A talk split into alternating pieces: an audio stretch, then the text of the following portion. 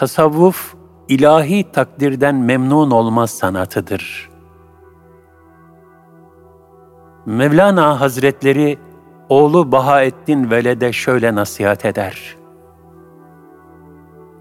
Bahaettin, eğer dünyadayken cennette bulunmak istersen, herkesle dost ol, hiç kimsenin kinini yüreğinde tutma. Çünkü bir kardeşini dostlukla anarsan, daima sevinç içinde olursun. İşte o sevinç, dünya cennetinin ta kendisidir. Eğer bir kimseyi kinle anarsan, daima üzüntü içinde olursun. İşte bu gam da cehennemin ta kendisidir. Dostları andığın vakit içinin bahçesi çiçeklenir, gül ve fesleğenlerle dolar. Seni incitenleri andığın vakitse için dikenler ve yılanlarla dolar, ruhun sıkılır, kabuslanır, içine bir pejmürdelik gelir. Bütün peygamberler ve veliler, mümin kardeşlerini gönül saraylarına aldılar. Onların bu fazileti halkı cezbetti. Kendi arzularıyla onların ümmeti ve müridi oldular. Mümin, din kardeşlerine karşı daima müşfik, merhametli, müsamahakar ve affedici olmalıdır. Onların eza ve cefalarına Allah rızası için yüzünü ekşitmeden tahammül etmelidir. İçinde müminlere karşı bir soğukluk, kin, haset, öfke ve dargınlık taşımamalıdır. Bunun için de Rabbine daima, Ey Rabbimiz! Bizi ve bizden önceki mümin kardeşlerimizi bağışla.'' kalplerimizde müminlere karşı bir kin bırakma. Ayetinin muhtevası içinde niyaz halinde bulunmalıdır. El-Haşr 10 Tasavvufun ilk dersi incitmemekle başlar. Manevi tekamülün nihai dersi ise incinmemektir. İncinmemek sadece insanlardan gelen eziyetlere karşı değil, hayat ve hadisatın acı kader tecellilerine karşı da şikayetçi olmamaktır. Zira hayır ve şer bütün tecelliler, dünyayı bir imtihan diyarı olarak takdir eyleyen Cenab-ı Hak'tandır. Kamil bir mümin olarak yaşamak, ondan gelene yine onun hatırına hoş geldin diyebilmektir.'' Dünyada da ahirette de huzur ve saadetin özünde bu rıza hali vardır. Yani hakkın rızasına ermek isteyen, evvela kendisi haktan razı olacak. Onun takdirine rıza gösterecek. Her halükarda haline şükredecek. Hayatın süfliyatına ve menfaatlerine takılıp kalmayacak.'' dünyanın imtihan malzemelerini kendine izafe etmeyecek. Bu malzemeleri hak rızası için kullanmayı bilecek. Hayatın met cezirleri içinde mesud olmayı bilecek. Lokman Hakim, saadetin anahtarını şöyle ifade eder. İki şeyi unutma. Bir, Allah Celle Celaluhu'yu unutma.'' onun dostu olabilirsen selamet bulursun. 2. Ölümü unutma. Faniliğini unutma ki nefsani hayatın çıkmaz sokaklarında kaybolmayasın. İki şeyi de unut. 1. Sana yapılan menfi davranışları unut. Mevlana'nın buyurduğu gibi, dalındaki dikenlere sabredip haline razı olması, gülü çiçeklerin şahı kıldı. 2. Yaptığın hayır ve iyilikleri unut. Her güzel ameli Rabbinin lütfu bil. Sana o iyilik temayülünü Rabbinin lütfettiğini hatırından çıkarma. Ona şükret. Böylece nefsini palazlandırmaktan, ona rüşvet vermekten, yani ona pay çıkarmaktan kurtul. Gerçek bir mümin, bir kuru ekmek parçasında bile saadeti bulabilen, mesud olan, Hakk'ın takdir ettiği hayatın iniş çıkışları içinde huzur halini korumayı bilen, halinden memnun olan, rıza ehli kimsedir. Amak-ı Hayal adlı eserinde Filibeli Hilmi Efendi, mecazi bir hikaye anlatarak, sefaletleri saadete çevirmenin yolunu bildirir. Ruhi buhranlar içinde kıvranıp, huzur ve saadeti arayan hikayenin kahramanı Raci, Aynalı Baba'nın ney taksimi eşliğinde okuduğu derin manalı şiirlerin tesiriyle, hayal aleminin derinliklerine dalıp gider.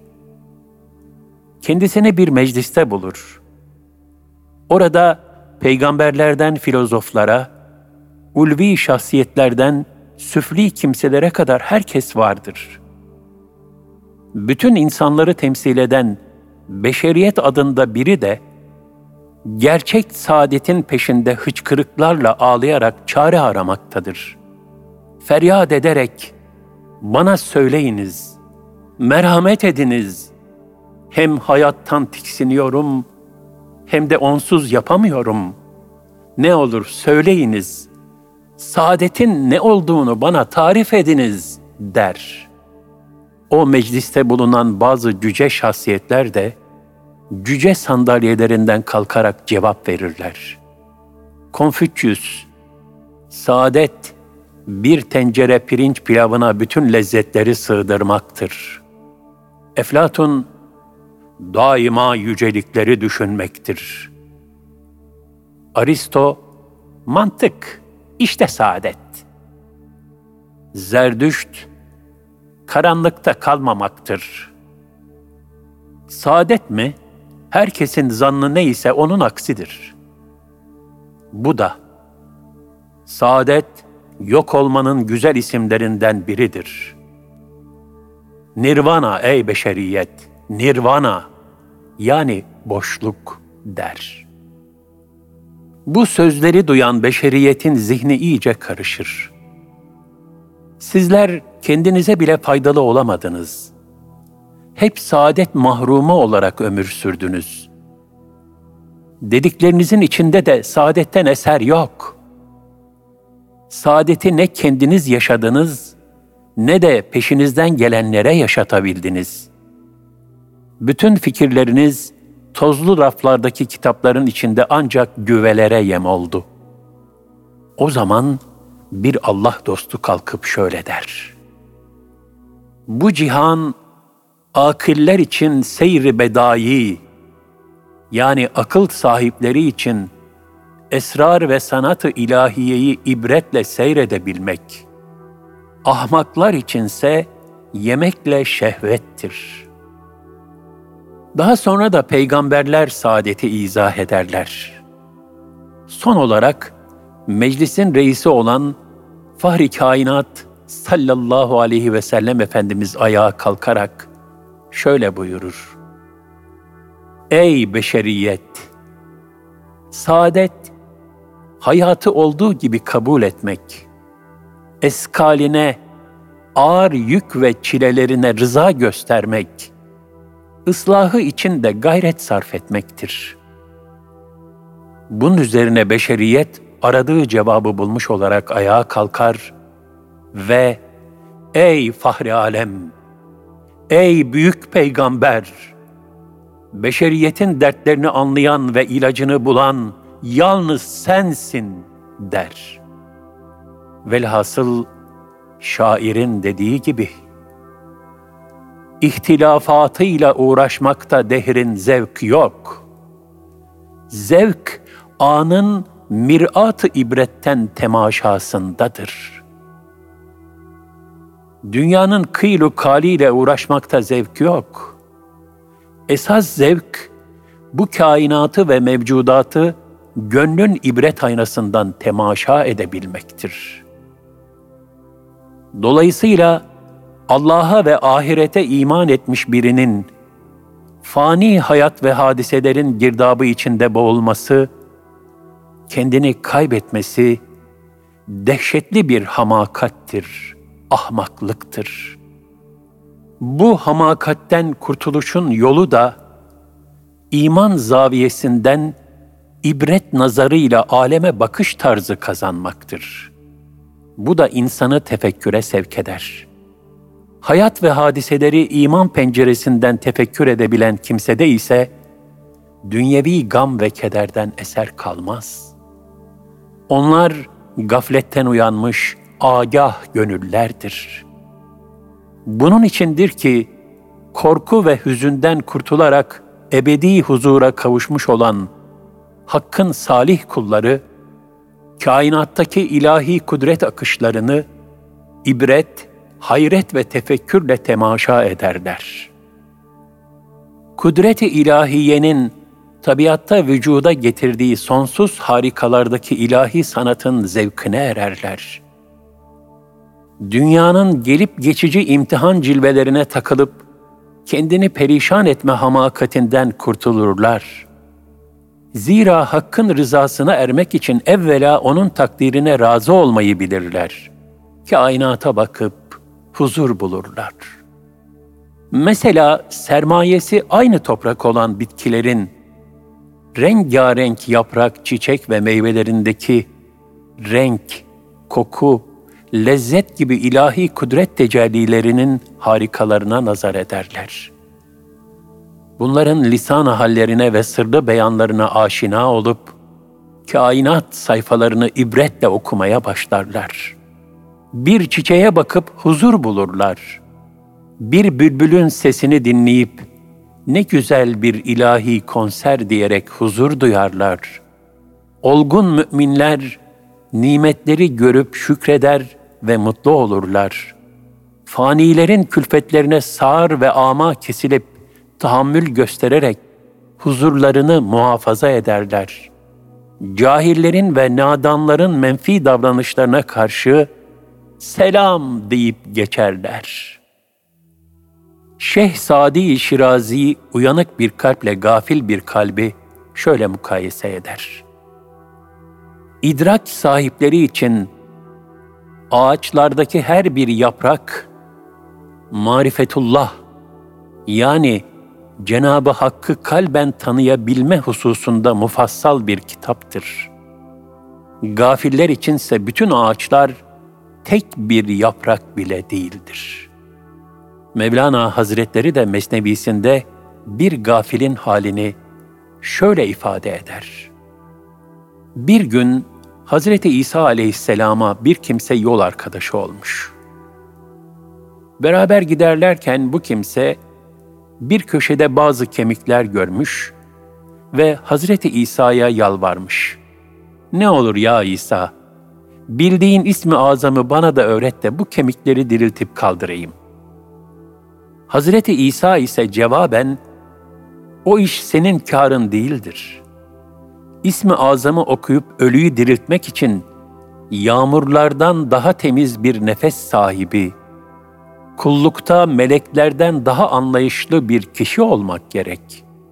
İsmi azam pak bir lisan ve temiz bir kalp ister. Yani öyle bir kimse ki nefsi haramla mülevves olmasın ve melekler gibi isyan ve günahtan pak olsun. Çünkü bir kimsenin nefsi pak olursa, o kimsenin duası makbul olur. Hak Teâlâ o kimseyi hazinelerinin emini eyler. Mesela farz edelim ki sen, Hazreti Musa'nın asasını elinde tutabilirsin. Fakat Musa'daki kuvvet sende var mı ki, onu ejderha yapabilesin?'' Ve onu zapt etmeye kadir olabilesin. Hatta Musa aleyhisselamın asası ejderha olunca kendisi bile korkmuştu da, Cenab-ı Hak ona, korkma ya Musa buyurmuştu.